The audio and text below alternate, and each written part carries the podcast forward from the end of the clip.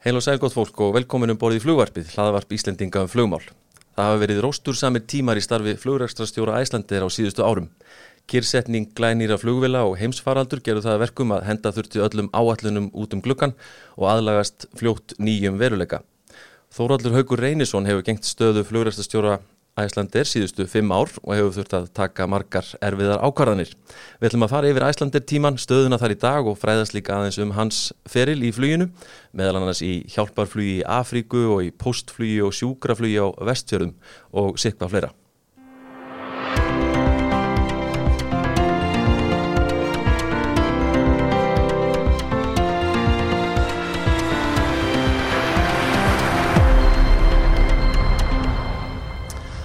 Hann er komin í flugvarpi Þóraldur Haugur Reynisson, flugstjóri og flugræstrastjóri Æslandir. Fyrstu velkomin.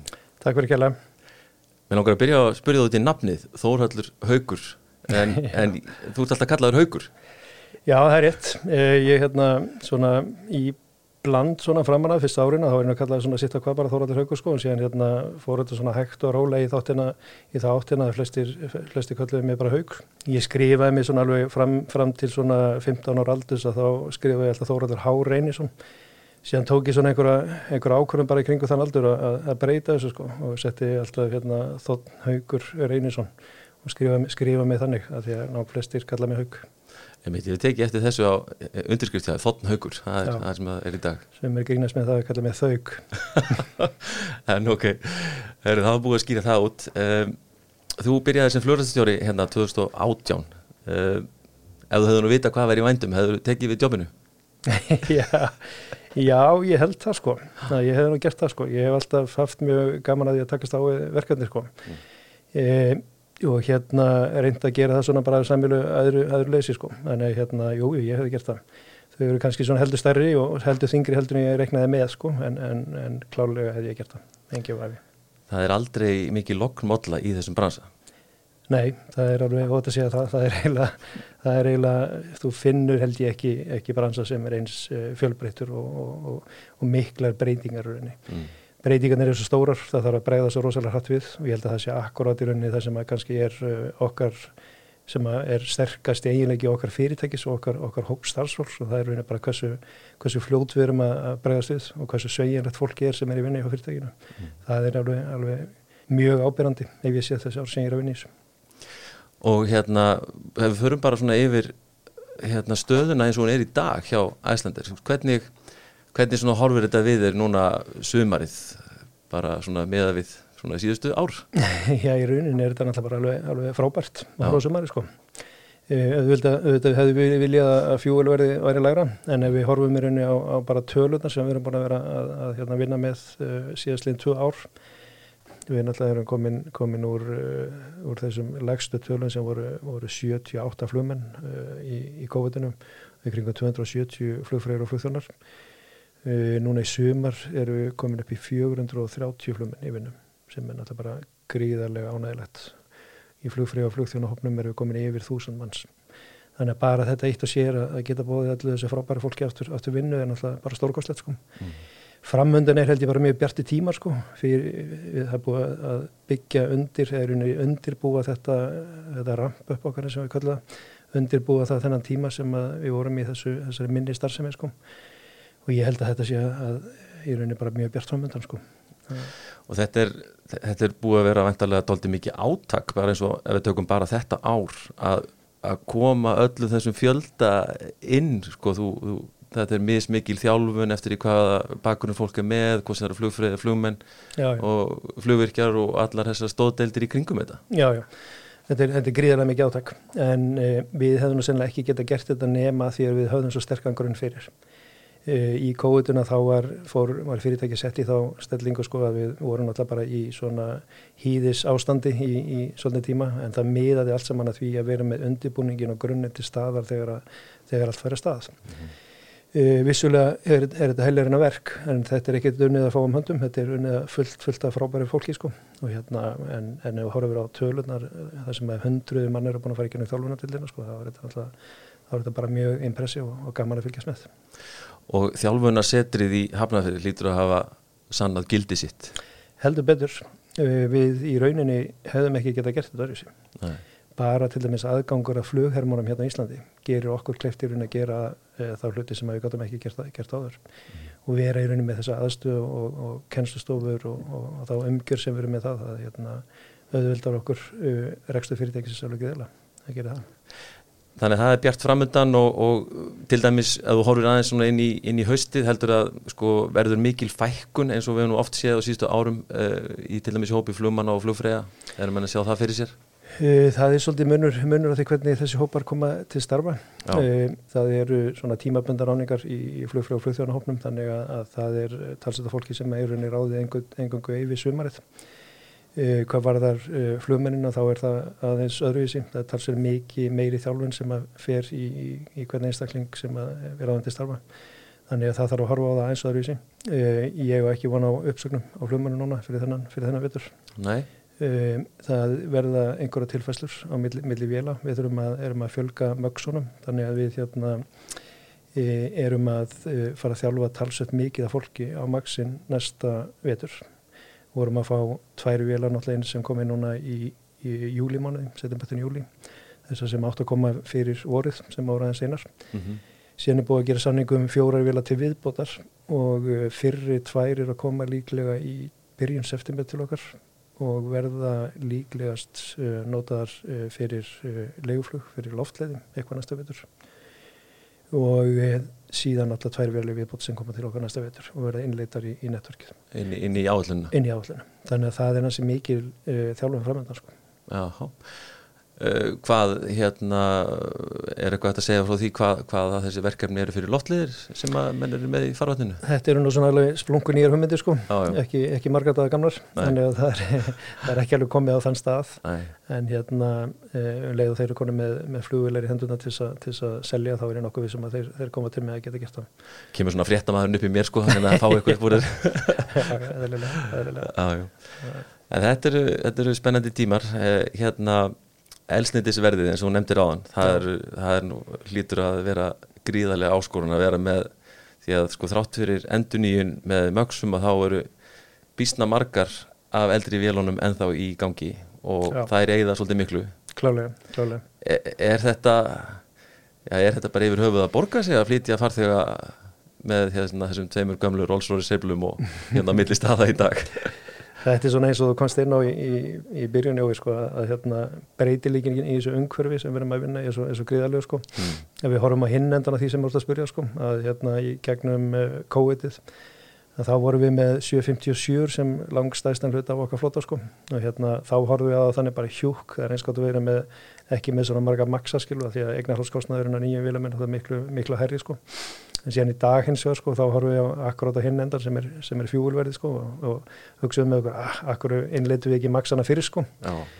þannig að þetta er alltaf erfitt að, erfitt að vera spámaður í þessum heimi sko mm. en hérna ég held svona samt sem áður að, að, að þetta ástand sem við erum að fara í, í erum í dag er það stiðni ennþá betur þá ákvörnurunni að feita út þessum 757 flóta sem við erum, erum með en það er hann alltaf búin að sinna sína hlutverki bara mjög vel hvað var það spurninguna fjúvel verðið mm. uh, og hvort við getum flóið áfram sko. þetta er náttúrulega gengur alltaf út að hvað er, er viðskiptavinni til mót þess að borga sko. uh, á endanum er henni fyrir kostnæður við fjúvel hann, hann, hérna, kemur, kemur í, fyrir út í fargjaldið og hérna en vissulega verður erfiðar að reyka ákveðna leiðir uh, í mjög hágu fjúvelverði sko. það verður, verður það en við hins vegar erum að einlega rauninni í að dýpa nokkur hatt þannig að ég held að, held að við komum til með að, að svona minga hérna, áhrif fjúulverðsins til dularætt. Sko. Hvernig er þetta til dæmis að mæta þessu svona í bara svona daglegum rekstri? Er stöðugt verið að fylgjast með málum, heyrðu, einhvern veginn að setja þessa flugil á þessa leið eða þessa flugil á hina leiðin og svo framvís? Eða... Já, já, við, við erum að gera það og um, við náttúrulega fórum að stað fyrir öruglega svona 15 ára síðan eitthvað með mjög svona uh, metnaðfullt fjúel spartnaðar uh, program sem að snýra því í raunin bara hvernig getur við uh, minka fjúlbrennsla allan, allan mögulegan hátt. Uh, Svo uh, aðferð sem að þú þekkir nú sennilega best er raunin það sem snýra flugmennu sem heldur um, um bensinkjöfuna, um trólluna. Mm -hmm. að það er raunin að, að breyta því hvernig flugmenn fljúa vilónu til þess að það er eigði sem minnstu og það hefur tekið skriðarlega vel. Og ef við tökum okkur svona á svona alheims í alheims samanbörði að þá stöndum við mjög framalega í því og erum svona með fremstu flugfélagum í heimi hvað það varðar við erum líka að horfa í sérst, bara alla hluti hvernig eru flugfélagarna hvernig eru að hlaðar hvernig eru að þrýfa hvernig eru að þrýfa mótora uh, og, og miljónara hluti sko. varandi þessa spurningu spesifíkli hvort að hérna, við sem að horfa í hvort við setjum max eða, eða eða 57 eða 67, já, við erum að gera það okkur um einastegi, sko. við skoðum lótið okkur um einastegi og hvort já. við getum saminað og hvernig við náum sem bestri þess að hafkamnistu lausn per dag Hvað er svona, hver er munurinn svona fyrir kannski fólk sem ekki þekkir til sko uh, á eðslu bara svona sirka í tónnum talið þryggja tíma flug til Európu fram og tilbaka á gömluvílinni versus nýju. Getur þú svona skotið á það svona sirka bát? Já, ég er nú bara ekki með þessa tölu í höstum sko. Nei. ég held að ég fer ekki að ég ætta að spyrja þig sko. Þú flygur miklu meira heldur ég sko. Já, ég allavega veit að maður fór á maksin fyrst maður þurfti svona eiginlega alveg að vennjast þessum tölu gildum sko, já, já, já. hvað þau voru miklu læri Já, að það sé mikið með einhver Þetta haldið að vera svona 8 til 10 tonn sko, getið það ekki verið? Já sem er alltaf svakalega umur þrjútturn á tíman eða eitthvað svo á 57 versus skoða maksinu, þú þekki það? Já það eru svona tvö.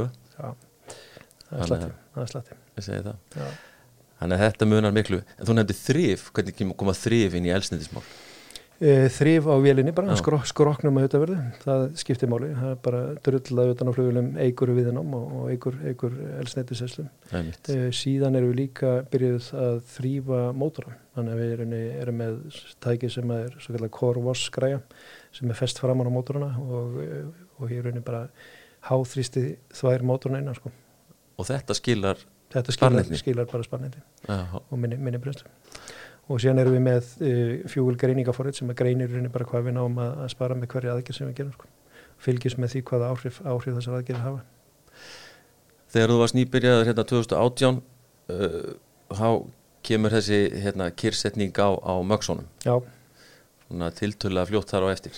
Hvernig, svona eða horfið tilbaka eh, hvernig var svona að takast á við þetta og svona helstu áskorunna sem voru, voru í tengslu með það Þetta er svona þegar maður er alveg upp í þessum flug heimi sko þá er, er maður einhvern veginn svona uh, hefur maður það mikla trú að því sem maður erum að gera öryggið og, og, og hvernig hönnun er og annað að, í fyrstu yrunum maður trúði maður hreinlega ekki að, að hérna, um þetta stort vandamál væri að ræða sko. Mm -hmm. Þannig að maður hugsaði þetta alltaf í, í einhver, einhver sem, sem eitthvað skamtíma mál sko. Boeing látt að föttuvísu okkur um það að þeir væri búin að átta sig á vandarum og væri þegar konum í sko sem þeir voru konum með á þessum tíma en lausni var ekki, eh, það var ekki búið að sagt, hlaða þessum breytingum inn í neinar vila sko. E, bara við það að þú er komin út í, út í stöðu þess svona stór alvarleg slísverða að þá náttúrulega kemur unni koma öryggistofnanar bara inn í og stoppa hlutin af mm -hmm. sem er unni svona eftir að því gerunni bara mjög, mjög gott þá erum við að horfa á það unni bara hvernig öryggiskerfið í flug innanum er að virka og er fyrst og fremst að horfa unni á hagsmunni neytandans að tryggja hans öryggi með öllum mögulegum hætti. Við vorum ekki neitt rosalega ána með þessar ákvarðinir sko FAI og stjórnvalda að stoppa allt á sko en, en sem betur fyrir gerðu það. Og þar alveg var bara farið ítalega ótíð að, að hérna, skoða þessa vel og gera hana, gera hana algjörlega öruga til þess að fljúa aftur. En varandi hvernig það snýri að okkur í vinnunni svona dagstæðlega og þá náttúrulega voru við að horfa á bara mjög stort vandamál í ræksti fyrirtækisins og þetta gerist náttúrulega rétt fyrir sömar sem er high season hjá Íslandir. Þannig að það var farið út í svona lausnir eins og að reyna innlega flugvilar og annað og við fórum að fylgja það reyna, reyna innlega flugvilar og vorum konum með samninga til þess innlega í staði fyrir maksanum Það sem gerðist hins vegar var að eftirspurn eftir flugi dróst gríðarlega saman líka, samlega þessum. Þannig að við enduðum með því að innlega það ekki sko, þannig að við varum búin að, að klára allir vinnuna sko. Þannig að það voru ansi, ansi hérna, þetta voru helgirina verkefni sem að þurfti að afgæða mjög hratt og öruglega. Og það er svo að segja að í upphafi náttúrulega áttum en ekki vonað að þetta er nema, nema einhverjir örfáir mánuði bara. Nei, nei, ég myndis. Ekki einu sinni það. Örfáir menn heldur bara 2-3 vikur sko. Já sem endaði sen í tveimur ára sko.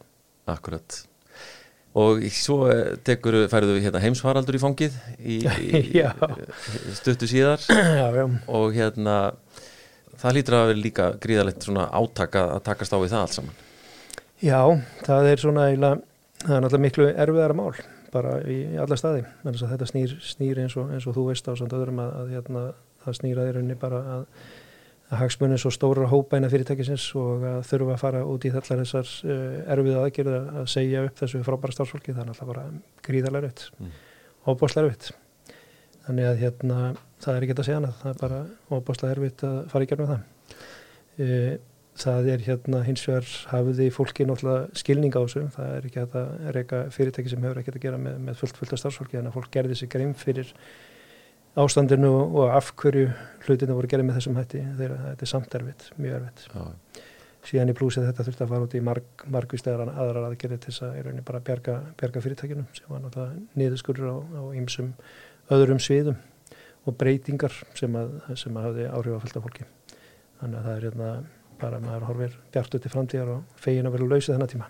Já, nákvæmlega Heyr, heyr. Uh, En svo hérna, svo var maður hérna rétt farin að fagna að COVID verið búið og þá brestur á stríð. Já, ég er mitt Þetta er, það er aldrei lokmódla sko. Nei, það er ekki einn bánastök Nei, en þetta svona kannski svona þrátturir allt hefur ekki kannski umturnan plönunum þessi þetta stríði í Úkrænu beint svona hvað var það bara flugurekstur æslandir eða hvað? Nei, það hefur ekki gert það sko. Það virðist vera að þessi svona uppsapnaða ferða þörf fólks sé það sterk að fólk vilji bara ferðast mm. uh, og þannig að við höfum ekki og sáum í rauninni þegar Úkrænustuðið bröst út og við sáum enga breytingar rauninni á innflæði, bókana innflæði og þessar. Það virðist vera bara stöðut innflæði Eh, fargjöldin eru, eru herri almennt ekki bara í okkur á öllum, öllum félagum og það breytir því ekki að það vilist vera samt sem að mikill áhuga að ferðast og fólk uh, lætur þetta ekki haft á þessi sko Nei. sem að er, er jákvæmt fyrir okkar, okkar fyrirtæki alveg, alveg klálega alveg klálega Stundum, stundum hafa verið svona tækifæri ef maður fyrir spólað tilbaka alveg hérna bara sko í Írakstríð og slíkt að þá var svona þá voru jæfnvel svona tækifæri fyrir einan geðsalepa minni félug já, já. sem komu Sko tækifærið sem, sem að við höfum er eiginlega svona sambarlegt og ég, ég talaði um áðan sko og það er þessi sveianleiki. Í rauninni þegar við uh, bara verum að tala núna um áramóti síðustu, að desember, eh, lokars 21, að þá voru áallinni fyrirtækisins uh, að vera með svona cirka 70% af áallinni 2019. En samt sem áður að vera með þennan sveianleika geta farið upp í miklu, miklu starra. Raunin er svo að vera með kringum 85-90% af 2019 í sömbarskum og það, þetta hljómar ekki neitt svona svakalegt sko, eitthvað 70% upp í 85 en þetta er 15% sveigjanleiki í rekstri svona fyrirtækis er alveg greiðalur sko. Og þarna er akkurat tækifæri sem að þú ert að tala um það er sveigjanleiki fyrirtækisins til þess að stökka erunni á eftir aukinni eftirspurðinu og stækka áallun og svo hafi sko. og stækka þó til dula rætt stækka rætt, já, já akkurat Klálega. En uh, eitthvað hefur maður heyrt af í þessum bransa að sko lokunin á Rúsland og, og sumuleiti Úkræðinu sko hafi valdið vandamálum bara til með sjá stórfyrirtæki eins og Boeing af því að þeir hafa fengið aðfeng sko, frá þessum stöðum. Getur eitthvað sagt okkur frá því? Já, já, við erum alveg að finna tilfinnalega fyrir því sko. Í tegnslu við, uh, sérstaklega tegnslu við viðhald og viðhaldsbreytingar. Uh, Maksaðin til dæmis sem við erum að fá núna inn í, inn í sumar, það eru breytingar sem þurft að gera á þeim björnum sem við náum ekki að gera á það að fara í nótkunn. Boeing voru með þúsundir af verkvæðingum í vinnu í Rúslandi og líka í Ukrænum og þessi verkvæðvinna hún er unni, hún alltaf fer ekki neitt sko, það er bara, hún, hún bara, er bara senkar. Þeir eru með fullt af starfstöðum annar staðar í heiminu sko, þannig að þeir koma eitthvað þessum verkefnum þónga yfir sko, en þetta gerir uh, það verkum að það eru talsverða tafir uh, og þetta er að valda, já, verulegum töfum. Já, einmitt. Já. Já, þetta er svona eitthvað sem að, maður hefði kannski ekki alveg gískað á fyrirfram sko, að svona Nei. lókun á, á þessi lönd Nei. hafi áhrif svona á þessu sviði en það er ímsa að í þessu en hérna það er eins og við erum búin að fara yfir þetta er viðkant fyrir svo mörgum sveiblum sko, hriðjuverk, stríð, ólíuverð, náttúru hamfarir, hvað maður veit að hvað mm -hmm. þú ert nú búin að upplifa að slatta þessu sjálfur hérna gegnum tíðina, búin að vera hjá fyrirtækinu hvað lengi? Ég byrjaði hjá Æslandir um áramáti 1991 Já Jú, jú, þannig að ég er búin að sjá svona nokkra, nokkra dífunar. Nokkra dífunar. Það er hótt að segja það. það eru, tvö, elgóðsaræfintýri sem, sem hefðu náttúrulega gríðarlega hrið. Það eru fjármálarhrun og, og COVID núna, þannig að Max Grandingin, sko, þannig að, mm. jú, þetta er, við erum búin að sjá nokkra semur. Það er ekki að segja annað. Til dæmis þegar að eiga fjalla jökuls æfintýrið er, er, er þú þá uh, að vinna sem flugstjóri eða hvað? Þá starfaði ég sem uh, deputy chief pilot. Já. Já, þannig að ég hérna tók alveg fullan þátt í, í því æfintýri. Það var svona, já það var krísa, það er ekki að segja annað. Það Einmitt. var heljarina krísa sem að, hérna, sem að flesti starfsmenn fyrirtækisins fór ekki, fór ekki varhluta af sko. Það er hérna, við, eins, og, eins og þú veist mæta vel að við náttúrulega fluttum höppin á fyrirtækinu í tvígang uh, til Skotlands í eitt skipti og sem til Akureyrar. Þannig að við hérna síndum enn einu sinni sveigilega fyrirtækisins, hvernig við bregðumst við í rauninni krísum og, og björgum okkur Já. við náttúrulega gátum ekki haldið upp í fulli starfsemi en, en, en við gerðum alveg magnaðar hluti sko. og það sem er eiginlega magnaðar við að þegar maður svona horfir í baksinni speilin sko er að, að hérna, við e, vorum í rauninni að, að fljúa okkar flugulum okkar, okkar leiðir meira heldur en mörg flugfélög í Evrópa sama tíma þess að askan hún dreifðist yfir alla Evrópa og, og það voru heilu löndin sem að loka sko. og sama tíma voru við hérna í 5 til 50 mílu frá gósinu voru við fljúandi út um alla trissur sko Já. það er svona áhuga, áhugaverð koncept Algjörlega. Já. Svo finnst mér líka eh, sko gaman að velta því upp sko sérðu fyrir þér að segjum að kemi eitthvað álíka eldgós aftur uh, sem hefði nú ekkit óhugsend að geti gerst Nei, nei, einmitt. Er þið í sama lokun? Erum við nokkuð tíman að sjá það aftur að, að heilu bara svæðunum verði gjörsamlega lokað fyrir flugumverð? Nei, Það er ekki, menn eru búin að læra það- sína leksíu, er það ekki? Já, það er búið að breyta reglugerinni. Reglugerinni var með þessum hætti í rauninni að, að ANSP, eh, Air Navigation Service Providers, að þeir lokuðu svæðunum og höfðu það í rauninni hlutverk að gera það. Við síðan sem, sem flugreikandur Mm. þurftum að sína fram á það hvernig við getum flóið í ákveðnum, ákveðnum density af ösku og svo hamis. Það er búið að breyta reglugerinni á þann hátt núna. Það eina sem að þessi unit gera, ANSP unit gera, er að þau loka cirka 120 milna ring í kringum góðstöðina í x langa tíma og þessi tími getur verið uh, frá bylunu 20 mínútur upp í 60 mínútur fer eftir, eftir uh, hvaða tíma dagskort það er myrkur eða, eða hversu langt það er í börtu frá byggð og hvernig, hversu langa tíma tekur að greina stærð góðsins. Uh, síðan eftir þennan tíma sem er svona áallar 30-60 mínútur að þá er svæði bara opnað og þá er það í höndum raunni hvers flugreganda að gera áhættumat og sína fram á það með hvaða hætti hann getur operatað í því svæði eða á því svæði sem eldgósið er og þá náttúrulega um leið og breytingi var orðin þessi að þá náttúrulega gerum við okkar greið fyrir því að við getum ekki farið alveg í vilda vestur og gert bara það sem okkur henda þannig að það, það stangaðist á við öryggis, öryggiskröfur okkar. Mhm. uh, þá var gerð eh, meiri krafa í rauninni á uh, hreiflaframlegendur og flugulaframlegendur að sína fram á í rauninni hvað í rauninni flugula þóla og hvað hreiflar þóla af ösku, ösku density.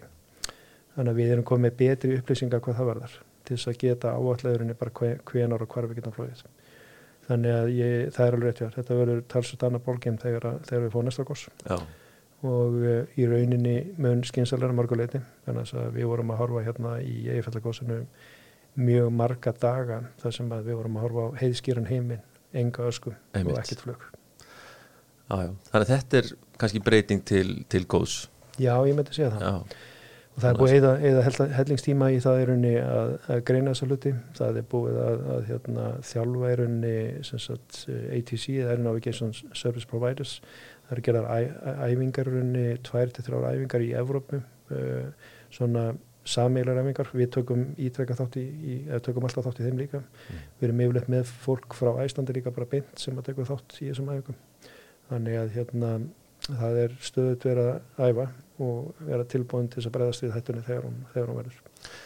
þannig að hérna þegar að kalla gís og, og, og rætast orðinans Ólafs Ragnar sem ég ain't seen nothing yet þá, þá er Æslandir tilbúið Já, við skulum vona að það verið seint en hérna, já, við erum allavega að telja um okkur vera vel, vel undirbúin og við erum alltaf erum því miður í ansi góður æfingu. annað hérna stórt uh, sem að gerðist hérna fyrir nokkrum mánu síðan árást týpura á týpura turnana í New York þetta er svona viðburður sá sem að þetta flestir geta hugsað tilbaka og já ég var þarna þegar þetta gerðist það er svona manst þú hvar þú varst þegar, að, þegar þessi, þessi ósköp dundi yfir Já, já, ég man það. Ég var hérna staður á Kennedy flugulli og hérna var að fara að fljúa fraktarnum heima á þessum tíma.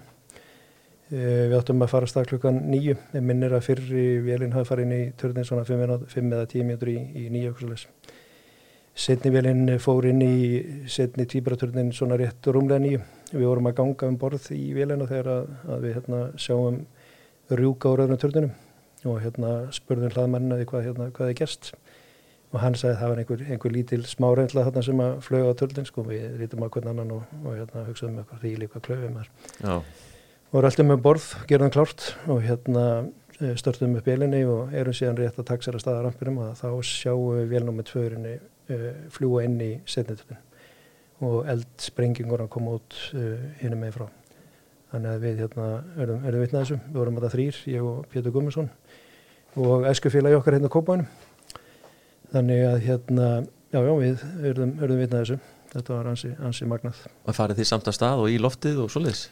Við tökserðum að stað uh. og í áttina brautinni og fljótlega tóku eftir því að það var náttúrulega Þetta fór á áhrif og vélar þannig að fólk var að farið að svara sí, að heyra í símónum inn í vélunum að, að það var eitthvað í gangi þannig að endaði með því að vélar byrja að snúa við og fara upp að byggingum. Við vorum á fraktvél þannig að það voru ekki farþegar að tröfla okkur allavega. Uh, við heldum áfram að taksir í áttabrautinu og síðan tóku við fljóðleiti því að það voru, það voru engi flugtök eh, heimiluð en það voru hins vegar vélar en þá lenda. Uh, þegar við vorum komið svona nokkuð nálat brautinu þá hérna kemur hérna törnin á bylgjuna og segir uh, við umfyrirnairunni eða alla, alla trafík á, á Kennedy, bara all traffic in JFK we may be evacuating the tower in, in, in short while og síðan líður hérna smá tími og, og hérna við hugsaðum með okkur hvað hva meina maðurinn sko. Já. og síðan stuttu setna þá, þá kom maður aftur á bylgjuna og, og segja we are evacuating the tower, you're on your own. Síðan heyrðist ekki meira frá ATC sko. Ekki í þeirri ferð. Uh, við svona fórum að, að veltaði fyrir okkur hvað við, hvað við ættum að gera næst. Þetta er alltaf staðar sem að maður lendir ekki í og allra síst á einu staðsta flugvill í heimi sko. en hérna við eh, svona lítum í kringum okkur og, og fórum að veltaði fyrir okkur hvernig við kemast tilbaka og, og endum með því að komast tilbaka og, og í rauninni e, töluðu bara flugmennir í véluna saman bara ef að, ef að þú veist að krossa gatnamóta sem að Amerikan Airlines var var að krossa þá kalluðu við bara yfir allir þegar að fara fyrst eða allir þú að fara fyrst og menn leistu flækjuna sjálfur sko og komast inn á staði þannig. Stjórnuðu sem bara, tók, tóku bara stjórnina sjálfur? Já, já, tókum stjórnina sjálfur já, Og það hefur mæntilega tekið við svolítil byggð í New York þá getur þú komast heim eða hvað? Já, það var, það var hérna í rauninni það sem að gerist er að það komjörnkerfi í rauninni hrinur bara. Það er í sjálfins sér uh, það virka engi símar. Uh, tölfur og internet virkaði með mjög takmarkum hætti. Uh, þessar gömlu skeitasendingar sítasendingar og svolítið þær virkaði ekki heldur sko. Þannig að, að við fórum alltaf að reyna að hafa samband heimskóla átt að vita í rauninni við erum á jörðinu við hefum ekki farið loftið og svona með sko og náðum engu, sambandi við neitt sko. Það var ekki fyrir einhverjum tveim, þreim klukkutíma setna sem að loksið síminn ringdi hann í Augustlu inn í Kargófanu og þá var það uh, hérna, bróðunars Pétus sem var að vinna í flugansjón á þeim tíma. Þá var allt í hennu dattinn ringing frá honum sko. Þannig að við gáttum þá allavega upplýst og beðið hann um að upplýsa um það við værum hann á jörðinu og hann er bara að býða átættar nú síðan leiði náttúrulega tíminn og, og, og hérna við, ég röldi mér hann út á, út á hlað og við stöndum mér inn út á hlaði og horfum á síðan þegar að turnandi hrinja bara þeir, þeir hrinja til í jarðar sko. Það var svona eiginlega ekki fyrir þá sem að maður gerði þessu svona grein fyrir alvarleikana sko, virkaði svona sem eldur sem er bara slögtur sko til þess að byrja með sko, en þegar maður sá beigingarnar hrinja þá svona þá fann maður alveg virkilega fyrir, fyrir hversu alvarlegt ástandi var orðið sko. Og við hérna ætlum að uh, reyna að koma okkur það inn á hótel og það var samansagan, það var ekki að finna neitt bílubíl, það var ekki að finna neitt hótel og það var ekki að ringja á neitt staðskilum Uh, þannig að við endum með að fá far með einu starfsmanni hérna Teresu í Kargófanu uh, í York heim til hennar af því að hún sagði að það væri bílurega hérna hérna með göttuna sko og röldum okkur þar þánga yfir og það var til bíl þar. Síðan keirðum við hann eitthvað norður eftir Long Island og fundum okkur eitthvað hótel þar og, og, og gistuð þar yfir, yfir nóttina. Og uh, vorum í runni út á Long Island fram á 13. september og þá hérna er staðan svo að, að frettinnar er að segja okkur það að, að hérna, bandarist eh, bandarist lofthelgi að hún sé e, bara lokuð og það séu engar, engar flugvelar að færa loftið og við horfum á þetta í sjónvarspinu og hugsaðum með, með, okkur ok, þetta verður eitthvað eitthva löngtöl hérna í, á Long Island Já. Stuttu setna þá ringir Sigur Stefánsson hérna stöðastur okkar e, í Nújörg, ringir í mig og segir um hérna, hörru hugur, þið eru bara komið með klerans, þeim er bara að færa loftið. Og ég segi hann að það getur ekki verið sikið það það var hérna verið að segja hérna fréttunum á hann að það, það var engin í loftinu. Og hann segi, jú, jú, það er bara staðfest. Ég hérna fekk það bara staðfest á þann að þið geti bara brunna á þetta er, er, er langt í ykkur, ég segi, nei, nefnum, konur hérna bara þér kortið 20 mjöndur sem við gerum út á, út á og þegar við komum út á völl og þá er enginar það er, eh, það er engin cateringtrökkur það er engin fjúveltrökkur, það er engar flugvilar að keira, engin bílar en eitt sko. uh, við erum alltaf, alltaf með borð fengum stífið på vilna og alltaf með borð og hérna störtum upp vilni og köllum þetta í klérans og við fengum heimilt í brautastöð frá rampinu, brautastöði því vonleft. Uh, þegar við komum í brautastöðu þá er eina sem við sjáum er, er herrþóttur uh, á sveim yfir og síðan fengum við take-off clearance og það fylgdi okkur tvær herrþóttur út uh, og upp fyrir talstöðu fyrir New York.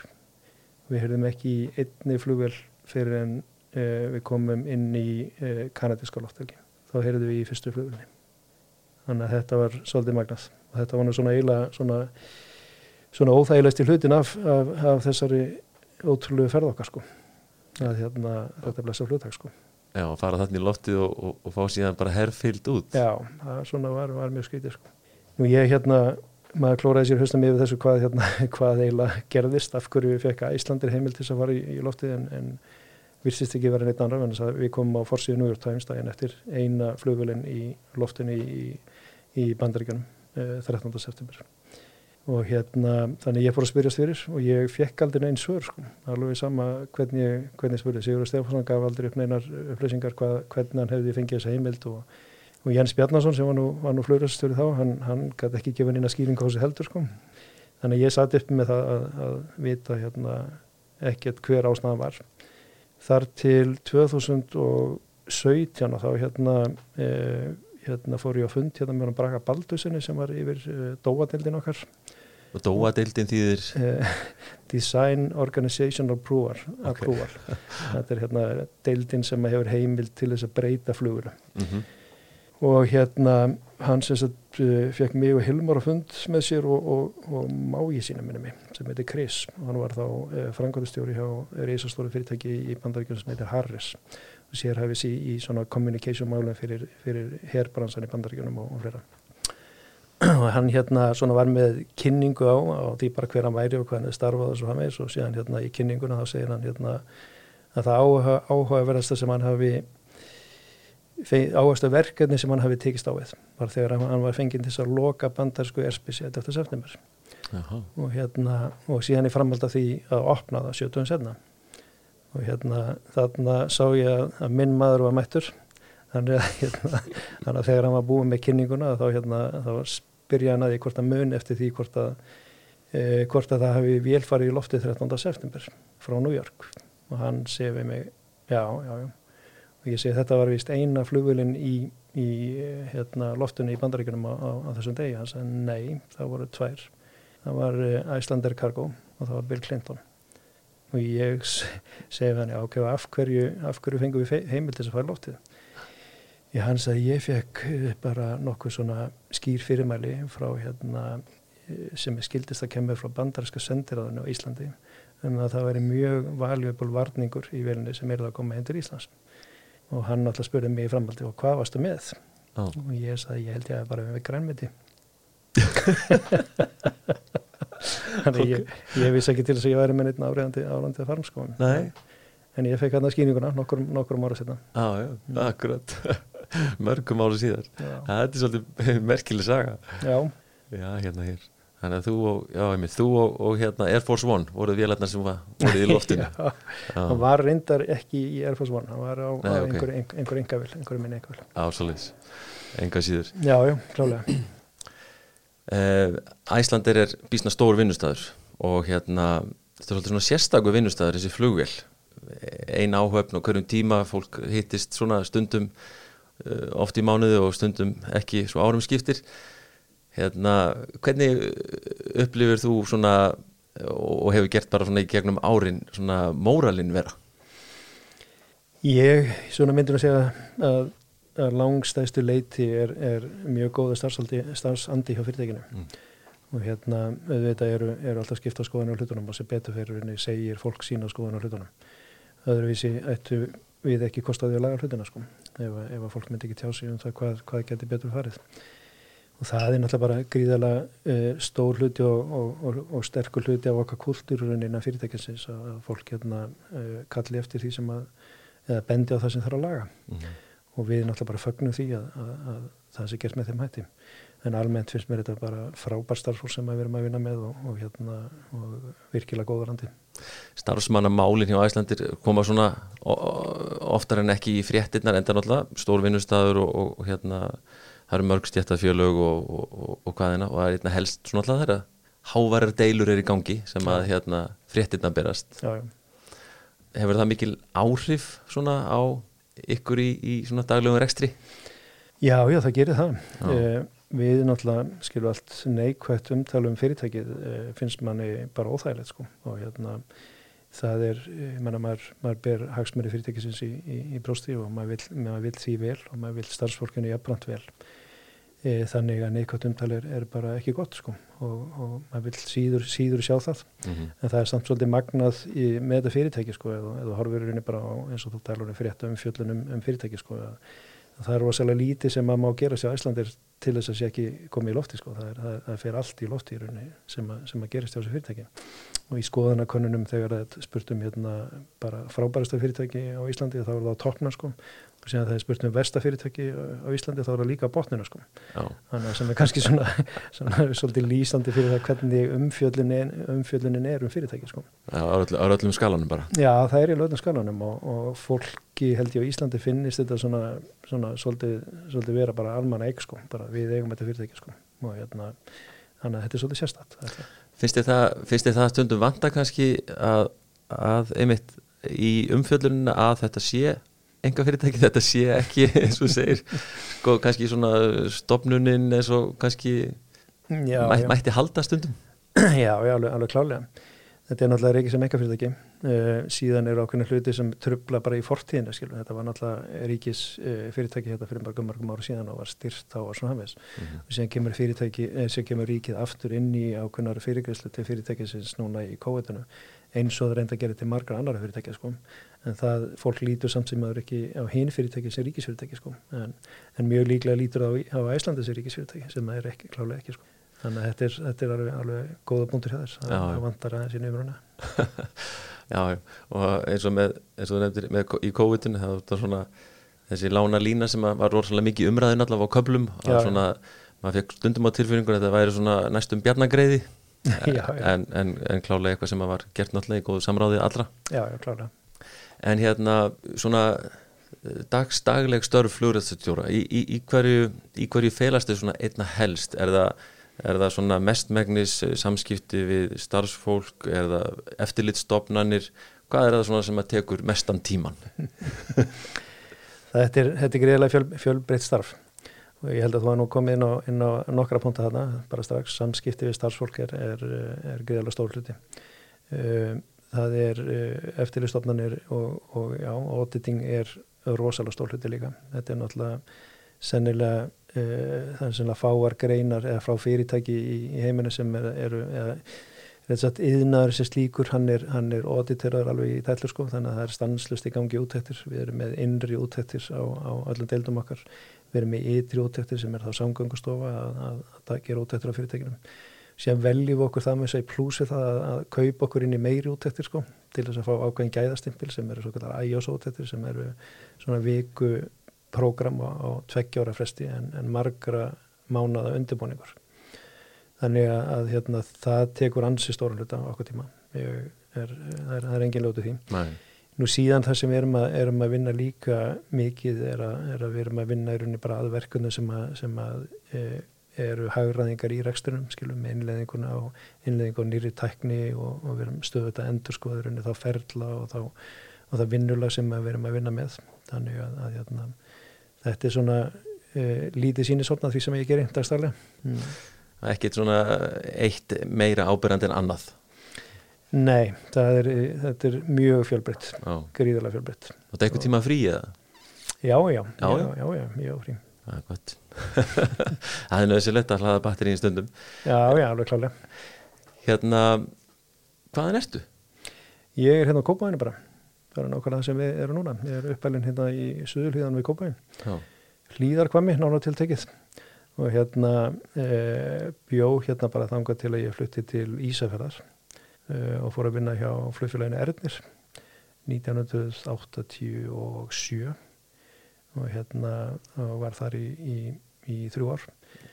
E, síðan, síðan fikk ég vinna hjá Íslandir og, og, og var í Reykjavík einhver, einhver fjögur-fimm ár og aftur yfir Kópavín í 25 ár. En það er nú gaman alltaf að spurja menn út í þetta sem að fara í þennan bransa sko, hvernig, hvernig er leiðin inn í þetta? Er, er, er, hvernig gerist það að þú ákveður að setja, leggja þetta fyrir þig?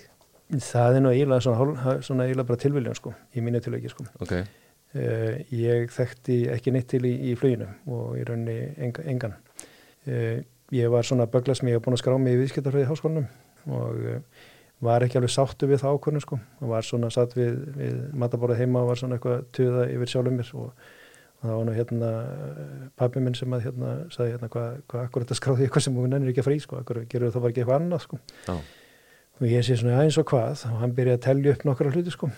Og hérna eitt af því var flugið og hérna þannig að ég hugsaði með mér að best að pröfa þetta. Og, og fór í símaskrána sem var í bókarformi í þetta og fann þarna flugskóla sem hétt uh, flugtak. Uh, skráði við þar í svona pröfutíma og mætt út af öll og, og þegar ég geng þar inn að þá hérna tilkynni það ég sem kom inn hann í pröfutíma og maðurinn sem situr hérna með í borðið hann hérna horfir á mig og segir já, já, ok, hvað, heldur þú að þú sitt að fara að fljúa eitthvað og ég segi svona, já, ég skráður í pröfutíma allavega já, líkt út um gluggandrengur það er hérna kolvillist viður út þannig að ég nú ekki meira vita flugi en það. Þannig að, hérna, þannig að ég hætti vel að ljúa okay. maður var, var hérna, tók ekki vel á móti mér og leðilegt viður og ég sem að þetta er ekkert fyrir mig þannig að ég hætti við.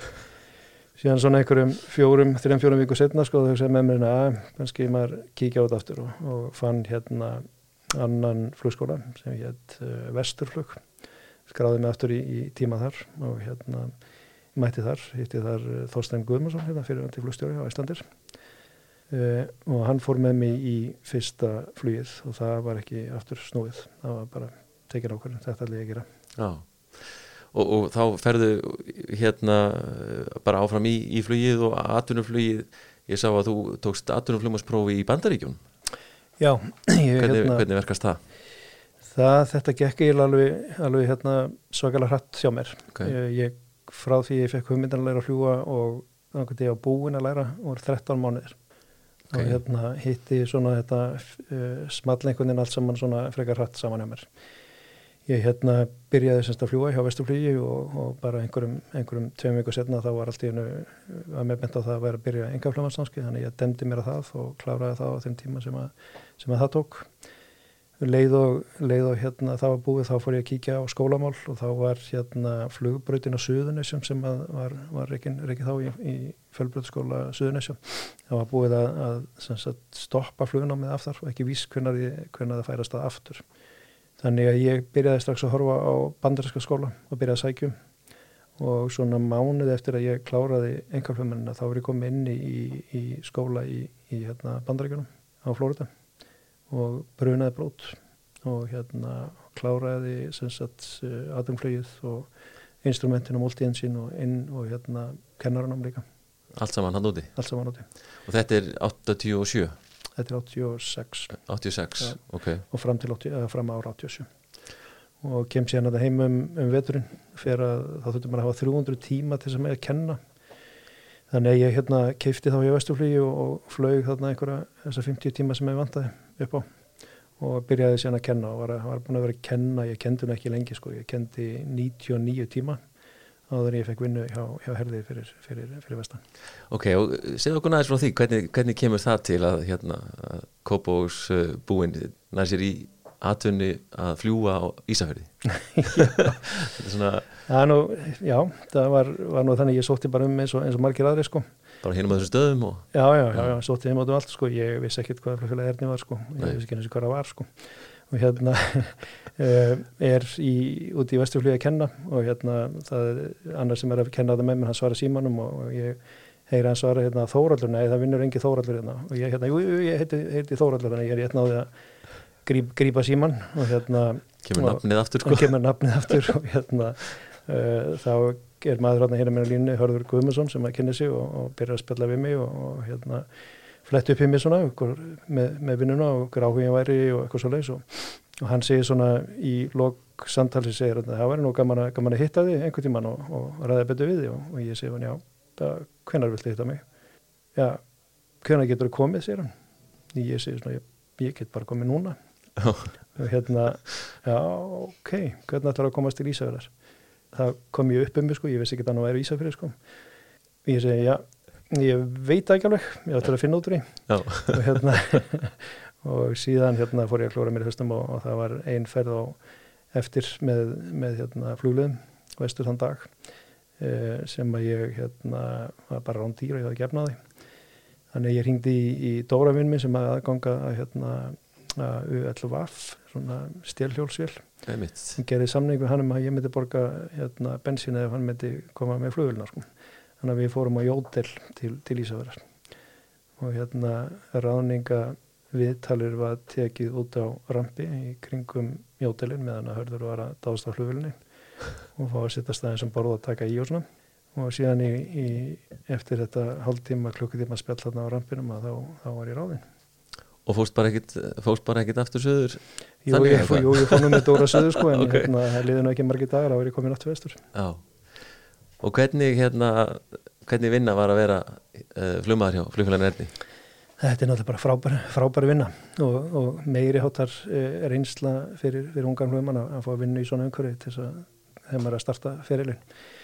E, rosalega gott að vinna í þessu fólki, herðið og ninnu og hérna umhverfið er krefjandi, það er það klálega, það eru veðufarslega krefjandi.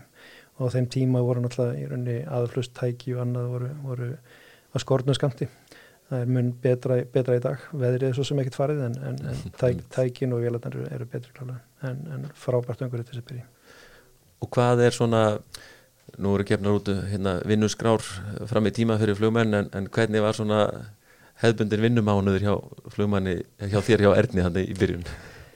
Hún var í rauninni bara nokkuð góð sko. Já. þetta var alveg fast fyrirkomala sko. Það var hérna, þetta voru svona sex dagar frídagar í frí, eitthvað svolítið þannig fyrirkomalega þannig að það var, var hérna bara flott, flott vinnu fyrirkomalega en, en, en sko vinnan einskorðaðist ekkert við að fluga flugvel sko.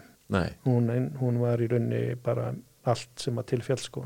Við flugum flugvelunum og við við þrifum bílugubílana og við kerðum á milli stað á vestfjörðum með, með posta bílugubílana þegar það var ekki hægt, hægt að fljúa og við, hérna, við gerðum bara allt sem þurftu að gera. Við byggðum flugskíli og bara, það, bara allt sem þurftu að gera sem er bara virkilega gaman í, í svona litlu, litlu fyrirtæki út á landi að, bara fá að taka þátt í öllu.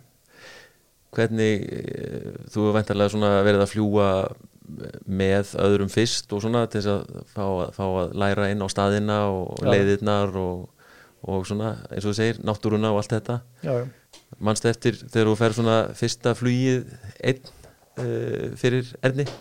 Já, já, ég man alveg, alveg vel eftir því það er, er eftirminnilegt að þýrlutin til að hérna á svona típist þegar maður fer svona fyrsta flugið sko þá var veðrið ekki alveg eins og maður vildi hafa það sko maður vilja hafa bara gott viður og, og hérna og allt myndi ganga uh, snurðulegst fyrir sig sko. En það var ekki alveg þannig. Það, hérna, ég þurfti, þurfti hérna, ringsóla talseti við bíldudal til þess að komast inn, inn, á, inn á bíldudal með, með hérna, íþrótalið.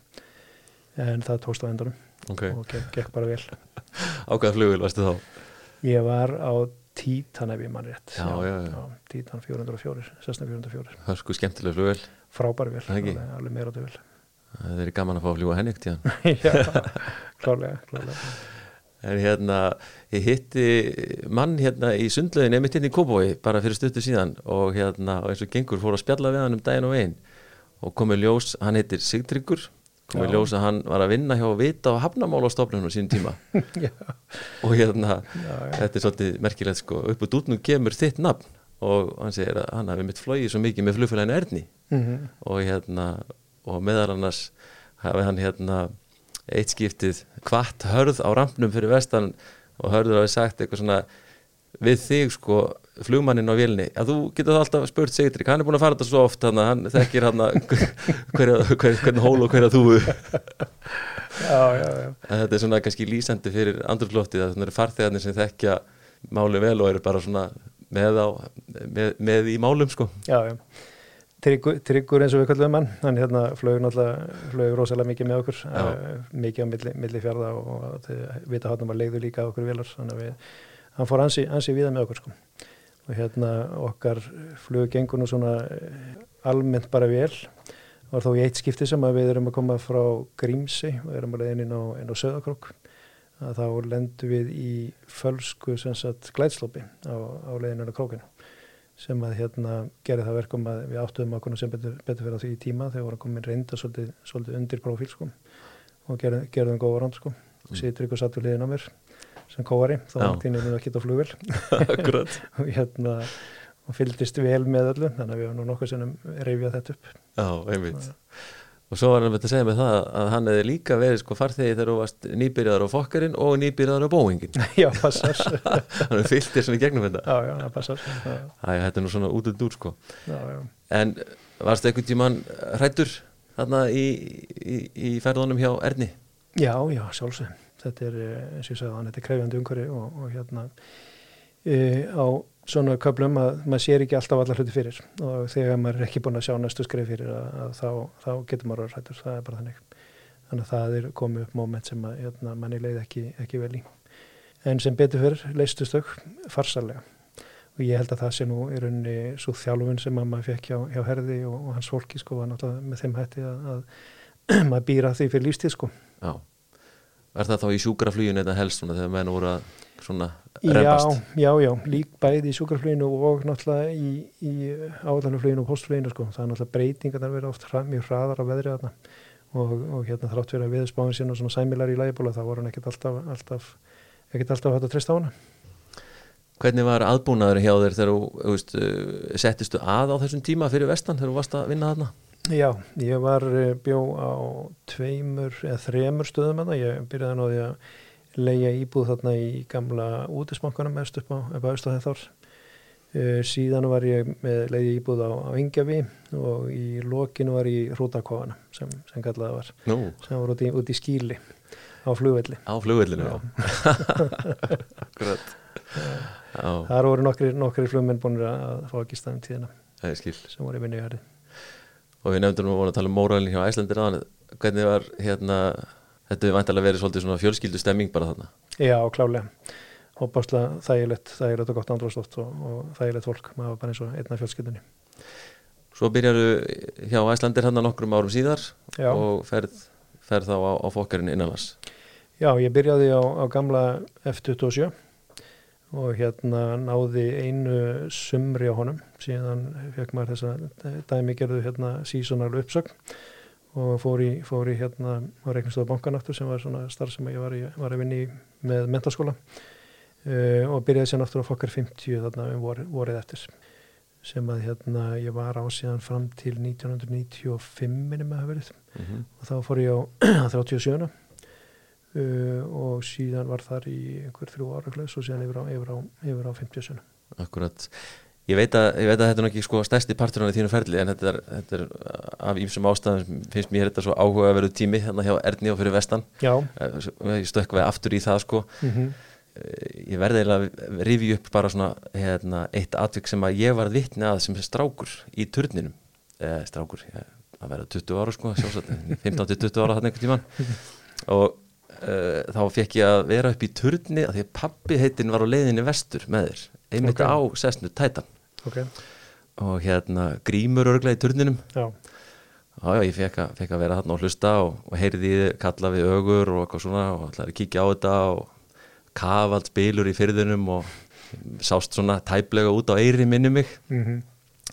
og svo var bara beðið, já, kíkja á þetta og held áfram og, og mann og spurður um sko skiknið inn í fyrðunum og það var nefnilega ágætt þarna fyrir innan eirina, sást alveg svona fjalla, svona nokkurn veginn á fjall, fjalla okay. milli okay nema hvað, svo rýndu við hann í sortan og ég man bara alltaf eftir þegar að vélinn kemur að mér fannst á nokkuð góðri siglingu bara svona yfir kirkjubóls hlýðinni, kemur svo yfir brautina og inn í engidalinn og svona nett upp í hlýðina þar nett svona wing over og svo var lett út. Ég hugsaði með mér þetta, þetta fann, ég var mjög imponeraður með þetta flug sko. Og svona eitt, eitt af því sem svona, svona ég man eftir að hugsa, já Þetta langar mig að prófa að gera. Þetta er, er hérna Ísafjörðurinn eða skutusjörðurinn er náttúrulega, er mjög tryggi viðfarslega sem og það er þetta sem maður lærði af herði og hans, hans fólki bara eh, hvernig eh, veðrið er mismunandi og, og, og lesa er unni í aðstæður mm -hmm. sem er hérna eh, bara mjög gaglegt og gagnast manni mjög vilja snástar sem ég Akkurat, ja. og þá er hægt að klára túrin Alveg klálega, og örugan máta. Örugan máta, algjörlega Annað sem að var náttúrulega hjá uh, flugfélaginu Erni var uh, svolítið leiguflug sem þú fóst í, í hérna, Afríkuflug og svo leiðis hvernig kom það til? Já, uh, Hörður var sem sagt með fekk, þegar ég byrjaði Hörður þá var hann, var hann að taka einn tvinnóttir hjá sér og hérna síðan svona var ekki alveg nægilega góð, mikil starf sem er fyrir tvinnótturinn þannig að þegar hann var búin að vera með hann í tvö ára eitthvað svo leiðis og þá fór hann að leita fyrir sér erlendis að koma hann um í leigu og uh, leiði vilina til Simex Aviation í, í Sviss Þeir voru að sérhafa sig að vinna fyrir óljufyrirtæki uh, og fyrir Rauðakrossin, fyrst og fremst. Hann hérna, hann alltaf var að leiða vélina sko, en þeir óskuði eftir flugmennum líka. Þannig að hann spyr, hörðu spyrða okkur hvort að við varum til að fara með og ég hérna var bara til í það, skellti mér með. Það er svo sem ekki þetta verið lengi hérna, það var bara hugmyndi var að fljúa vélina út og vera kannski mánuð eitthvað svo leiðs mestalega. Uh, þetta var svona tilraunaverkefni fyrir saminnið þarna, þeir, voru, þeir höfðu ekkert verið að vinna fyrir saminnið þarna, þetta var svona fyrsta verkefnið á, í Afríku fyrir, fyrir það. Þannig að við fórum þarna ég og uh, Haldan Ingólfsson með, með villan yfir, svona nokkuð, nokkuð löngferð hjá okkur, stoppuðum í Sviss, þess að þetta breyta vilinni og, og, og svona og síðan áfram yfir. Uh, þannig að eftir lögum að staða svona einhvern tíu dögum, tíu tól dögum, setna þá voru komin niður til, til hérna Kenya og þá hóst svo vinna að koma vinnin í landið og klera pappýra og svo framvið sem að tók einhverja, einhverja daga. Mm. síðan voru við staðsettir uh, á sikkurum staðnum í rauninni. Halli fór að vinna fyrir hérna Rauðakorsin í sama þorpi og, og, og ég var í en ég var hérna að vinna fyrir, fyrir samlið þarna með vélinni í rauninni. Og skipt á, á tóstaði og ég fekk með mér uh, finskan kaftin sem var mjög vanur þarna. Uh, ég var dró stuttastráið í rauninni í þessu sko. Halli, Halli, Halli bjó í ljómandi góðum svona sömarbústuðum með, með, með baðherbyggi og sturtu og svolítið sko. En ég hérna bjó í tjaldi með moldagolfi og þetta þó mér upp úr fötu og, og hérna og gera þarfið mín að rún í hólu en hérna að, það var svona kannski alveg eins og maður reknaði með sko. Ekki alveg glamúrin í nei ekki alveg, alveg glamúrin í þessu sko og hérna síðan fengum við svona pínu betur um bætur á þessu sko. Við fengum til dæmis ljós í, í tjaldið þannig að við getum hvitt ljós á kvöldin. Og hérna og síðan fengum við svona skáp líka þess að hengja upp, hengja upp uh, fötin í tjaldinu. Já, bara luxus Já, bara luxus þannig að þetta skánaði aðeins. Okay.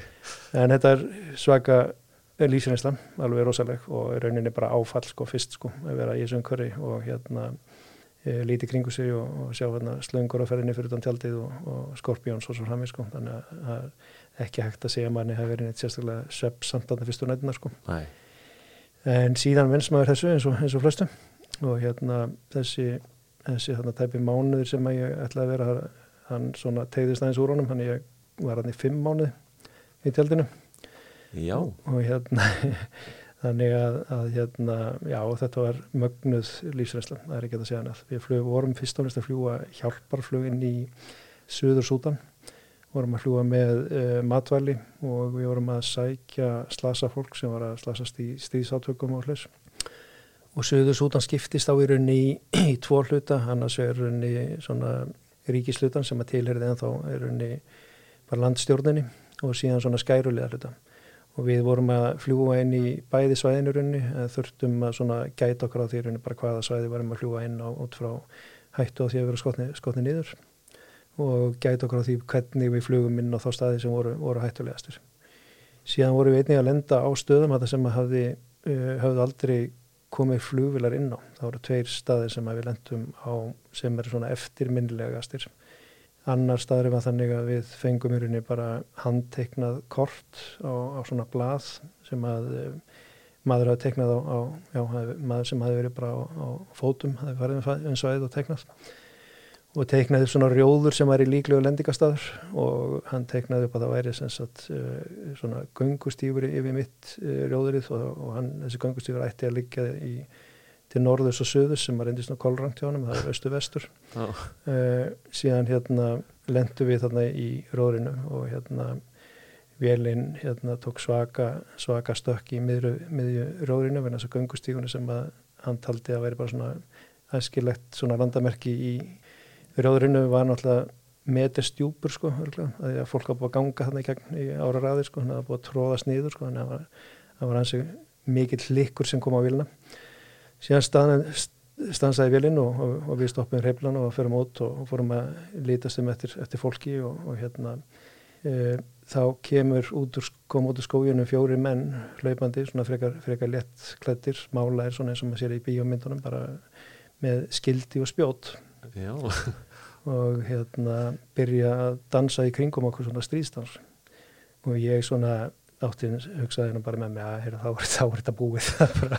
Þetta er svolítið ekki að vera neitt mikið lengra sko. Já. Eh, ég hef búin að vera hérna í einhverju fjóra mánu, það hafði ekkert komist í klippingu og þannig að ég var svona frekar svona ljós síðharður sko. Og hérna síðan þegar þið eru búin að dansa hérna í kringum okkur í einhver tíma þá er, er eittir sem, sem snertir aukslin á mér.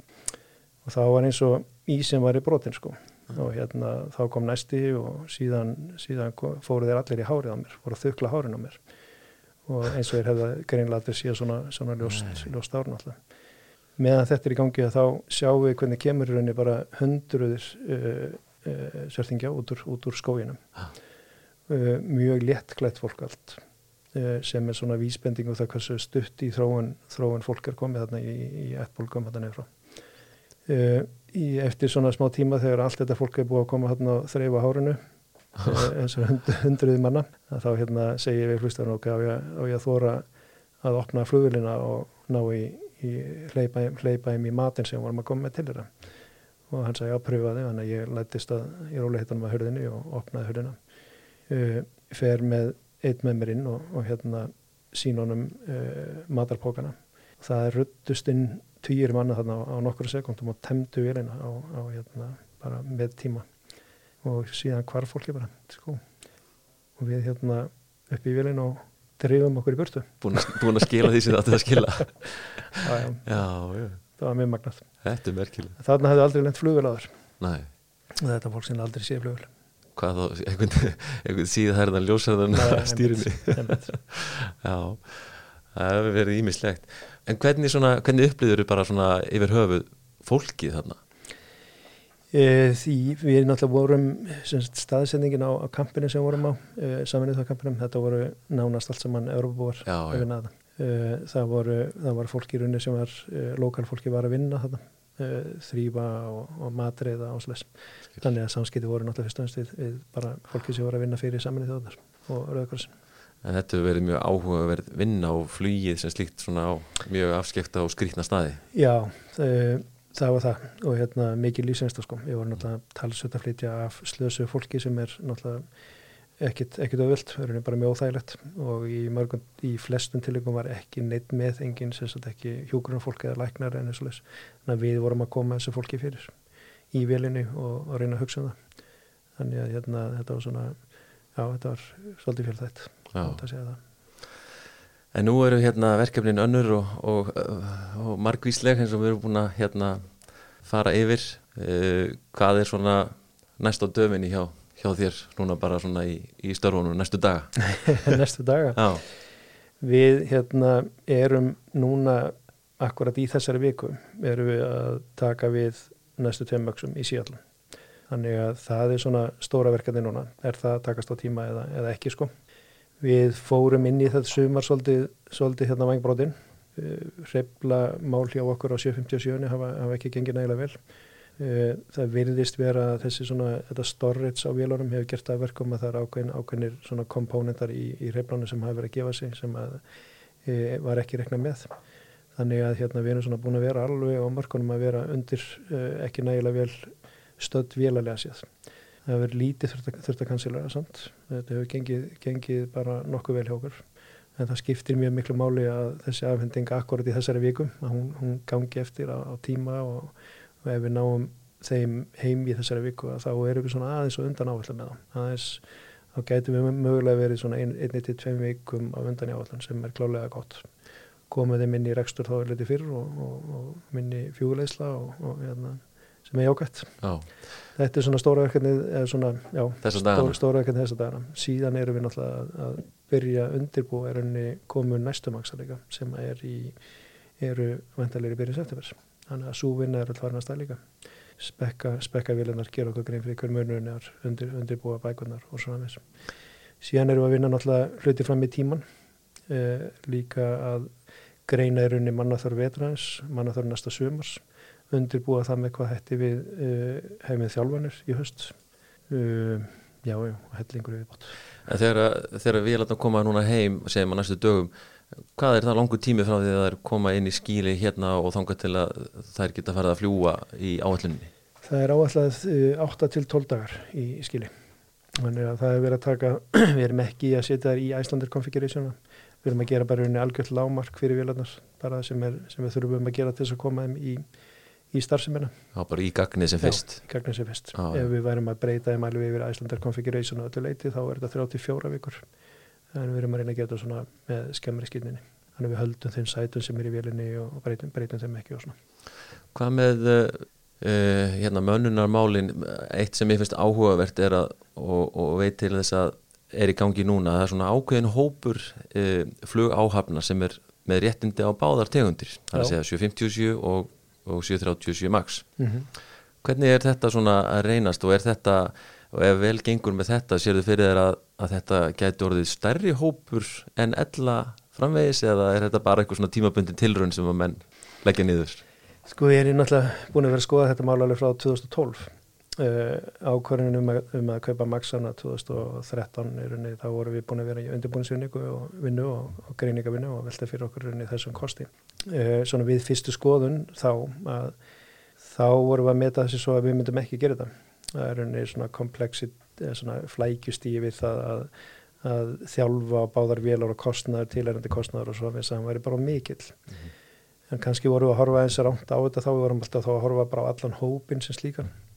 Uh, það sem að rekur okkur svolítið út í þetta núna er uh, þess að seinu afhendingar á maksinum við stóðum frammi fyrir því í vor að ákveða okkur ætla að vera með svona marga flugmenn á 50 sinni og svona marga á 30 sinni.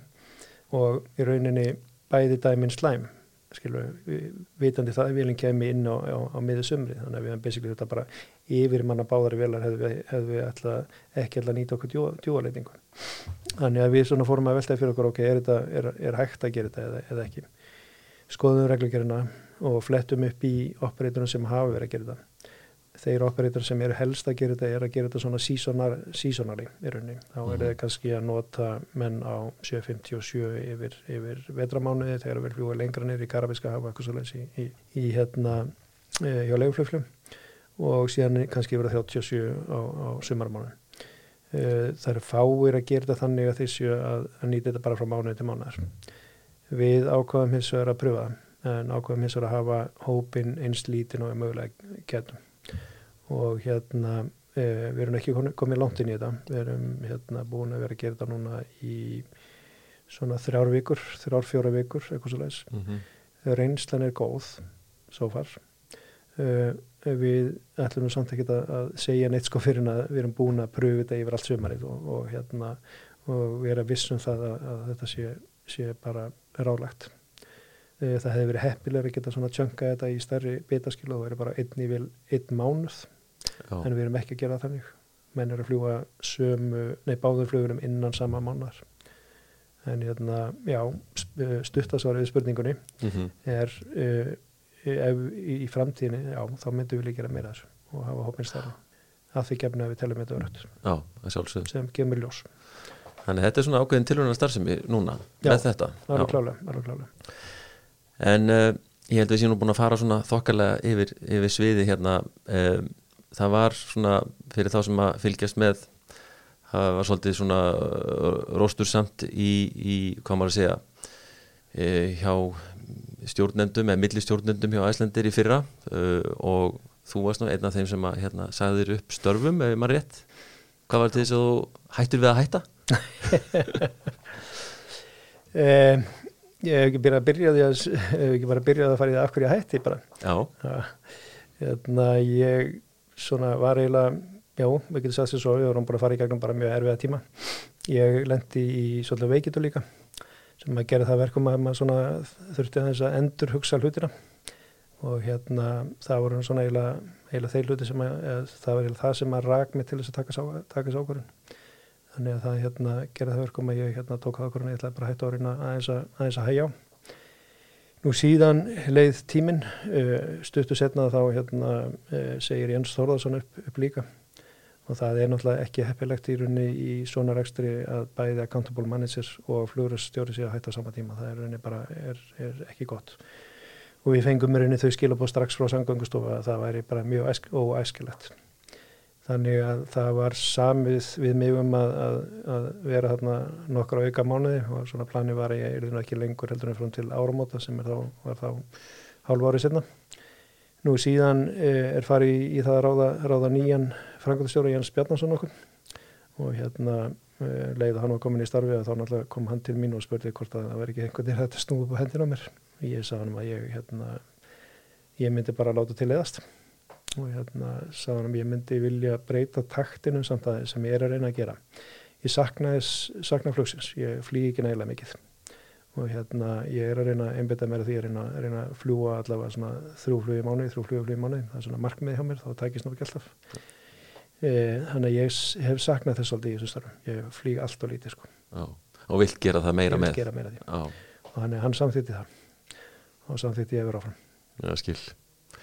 Þannig að þú fengið þarna svona netta ámenningu sem að svona var stressið orðið of mikið og álægið? Já, ég veit það ekki alveg hvað, hvað allir sko. Nei. Það er svo sem engar, engar skýringar sem er hægt að benda bind á hvað allir sko. Ég fekk heila blófall, þannig að hérna, það getur verið að streyta sér, sér lutaði, ég, ég þekki það ekki sko. Mm -hmm. En uh, það var talið að það hefði verið mögulega blóð sem hefði flætt á melli gátt eitthvað mér í hjartanum sem hefði valdið þessu. En það er engin, það er ekkit víst sko. Ég, fjó, ég fór í hjartaði ekki líka til þess að loka því. En hérna Eh, það er ekki vitamál hvað, hvað allir Nei, en þetta er í öllu falli svona áminningum að svona og, og, og, og fær menna til þess að endur hugsa hlutina. Engi spurning, já, já. Nei, það er klálega En þetta er, jájá, það er alltaf verið að minna mann á það, statustöðut að njóta lífsins, lífið núna, er það ekki?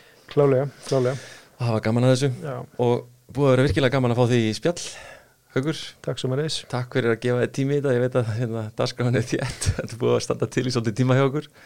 En gaman ákast komið og hérna takk fyrir komna Takk hérlega fyrir mig. Þetta er þá ekki lengra sinni og bara þar til næst, góða stundir